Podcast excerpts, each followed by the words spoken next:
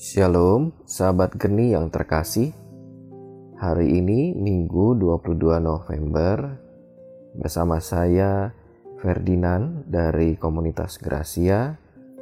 Kita akan merenungkan Injil Tuhan menurut Matius bab 25 ayat 31 sampai dengan 46. Izinkan saya mengucapkan selamat hari Minggu dan selamat merayakan Hari Raya Tuhan kita, Yesus Kristus, Raja semesta alam.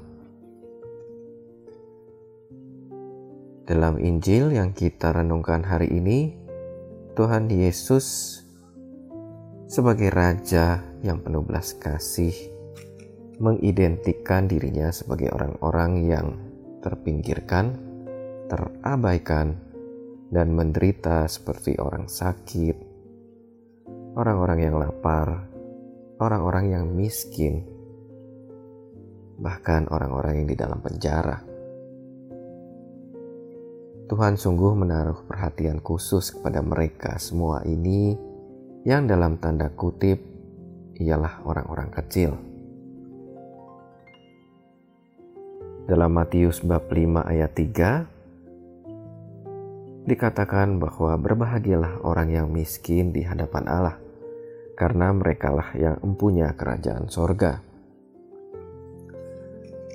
Sebagai Raja yang kita sembah dan kita muliakan, Tuhan Yesus pun hadir dalam bentuk teladan kerendah hatian, di mana ia berada di tengah-tengah orang kecil yang sangat membutuhkan bantuan dan justru di saat itu Tuhan berusaha menyapa kita.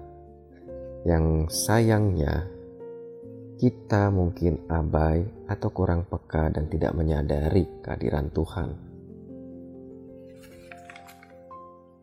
Yang Tuhan inginkan sesungguhnya bukan hanya membantu atau sekedar memberikan bingkisan ataupun materi semata lebih daripada itu, kita sebagai murid Kristus diharapkan bisa menjadi gembalanya.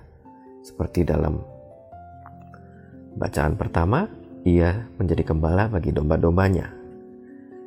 Dan ia akan mencari semua domba-dombanya.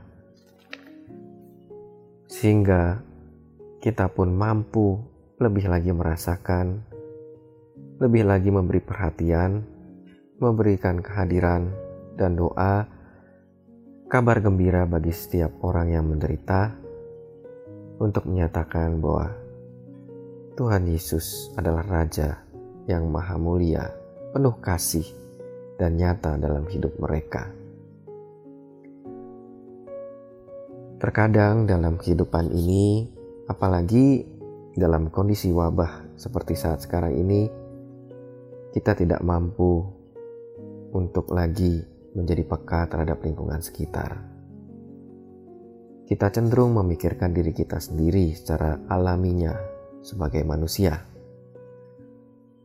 Namun marilah kita mengingat pesan Tuhan Yesus dalam Injilnya bahwa segala sesuatu yang tidak kamu lakukan untuk salah seorang dari saudaraku yang paling hina ini, kamu tidak melakukannya juga untuk aku. Semoga ini bisa menjadi refleksi mendalam untuk kita semua.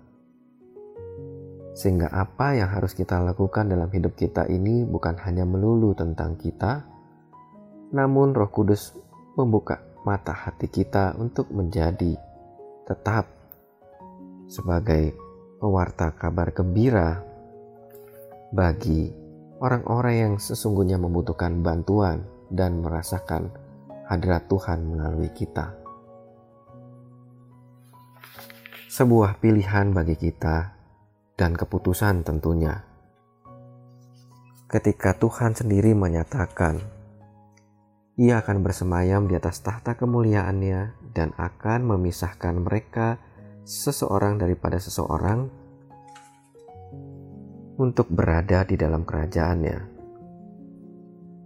Jika memang pilihan kita untuk berada di dalam kerajaan Allah setelah kehidupan kita di dunia ini, maka marilah kita bertekun dalam perutusan kita untuk tetap memberikan kasih, perhatian, tindakan amal, dan nyata bagi setiap orang yang membutuhkan, dan membuka diri dipakai lebih lagi oleh Roh Kudus. Tuhan Yesus memberkati kita semua.